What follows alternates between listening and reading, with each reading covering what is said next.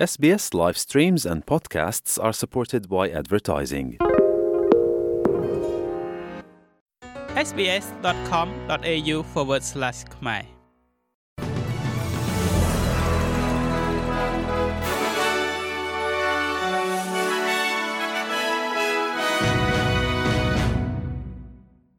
ចាសសូមស្វាគមន៍មកកាន់នេតិព័ត៌មានខ្លីៗរបស់ SBS ខ្មែរសម្រាប់ថ្ងៃច័ន្ទទី3ខែកក្កដាឆ្នាំ2023ធនាគារនៅក្នុងប្រទេសអូស្ត្រាលីកំពុងត្រូវបានជំរុញឲ្យការពីអតិថិជនឲ្យកាន់តែប្រសើរឡើងខណៈដែលក្រុមការងារថ្មីមួយផ្ដោតទៅលើការបង្អាក់ការបោកប្រាស់ការវិនិយោគដែលភាសាអង់គ្លេសហៅថា investment scams និងកាត់បន្ថយការខាតបង់ដោយសារតែការបោកប្រាស់ឬក៏ scam នោះ។ មជ្ឈមណ្ឌលជាតិប្រឆាំងទៅនឹងការឆបោក និងដំណើរការរយៈពេល6ខែដោយប្រមូលផ្ដុំនិយត្តករនិងវិស័យឯកជន ដើម្បីចាត់វិធានការដូចជាការកម្ចាត់គេហទំព័របោកប្រាស់ទៅលើការវិនិយោគចេញពីបណ្ដាញអ៊ីនធឺណិត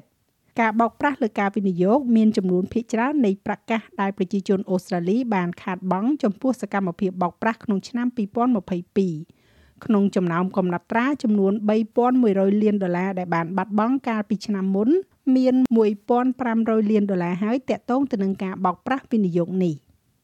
ជាមួយគ្នានេះក្រុមហ៊ុនផ្ដល់ប្រឹក្សា PricewaterhouseCoopers បានដកបុគ្គលិកជាន់ខ្ពស់ចំនួន8នាក់ចេញពីទូនាទីការងាររួមទាំងអតីតនាយកប្រតិបត្តិរបស់ខ្លួនផងដែរបន្ទាប់ពីការស៊ើបអង្កេតផ្ទៃក្នុងទៅលើរឿងអាស្រូវការលេចធ្លាយពន្ធ។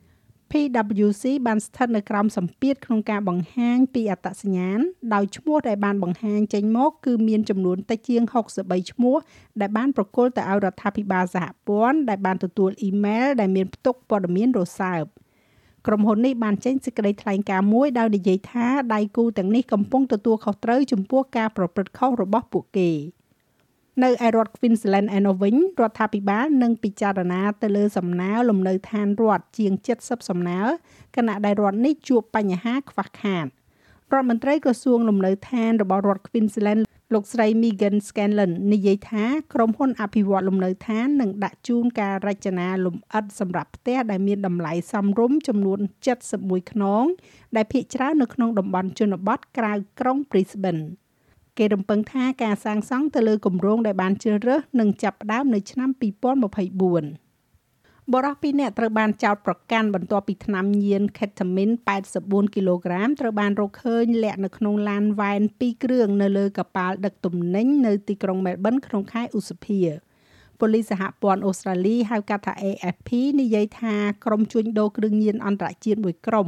នៅពីក្រោយការនាំចូលនេះដែលប៉ាន់ស្មានថាមានតម្លៃប្រហែលជា3លាន360,000ដុល្លារបរិះពីរនាក់ដែលមានអាយុ28ឆ្នាំនិង29ឆ្នាំត្រូវបានចាប់ខ្លួនកាលពីថ្ងៃសៅរ៍ហើយត្រូវបានបដិសេធមិនឲ្យនៅក្រៅឃុំកាលពីម្សិលមិញនេះ។ ព័ត៌មានចុងក្រោយគេនេះគឺពាក់ព័ន្ធជាមួយនឹងការលុបចោលជើងហោះហើរប្រមាណជា10ជើងនៅឯអាកាសយានដ្ឋានក្នុងស្រុករបស់ទីក្រុងស៊ីដនីកាលពីព្រឹកមិញដោយអ្នកដំណើរខ្លះនិយាយថាពួកគេមិនទទួលបាននៅសេចក្តីជូនដំណឹងអ្វីសោះឡើយរហូតដល់ពួកគេមកដល់អាកាសយានដ្ឋាន។វាកាលឡើងបន្ទាប់ពីការលុបចោលជើងហោះហើរចំនួន150ជើងនៅចន្លោះថ្ងៃសុក្រដល់ថ្ងៃអាទិត្យ ជាមួយនឹងអាកាសយានិកកំណត់ត្រឹមផ្លូវរត់តែមួយដោយសារតែខ្យល់បក់ខ្លាំងនិងកង្វះបុគ្គលិកជើងហោះហើរទាំង10ដែលត្រូវបានលុបចោលភាគច្រើនគឺមកពីក្រុមហ៊ុនអាកាសចរ Virgin Airlines ខណៈដែលអ្នកដំណើរផ្សេងទៀតកំពុងធ្វើដំណើរយ៉ាងរលូនជាងនេះជាមួយនឹងការិយាល័យអូតូនិយមឥឡូវនេះបានបញ្ចប់សេចក្តីព្រមានអំពីខ្យល់សម្រាប់រដ្ឋ New South Wales ហើយ កាលពីចុងសប្តាហ៍ការលុបចោលជើងហោះហើរទាំងនេះបាននាំឲ្យវងមនុស្សដែលមានការខឹងសម្បាជាច្រើនអ្នកកកកុញហូហៀចេញពីចំណតអាកាសយានដ្ឋានខណៈដែលថ្ងៃឈប់សម្រាកវ៉ាកងរបស់សិស្សសាលានៅរដ្ឋ New South Wales បានចាប់ផ្ដើម។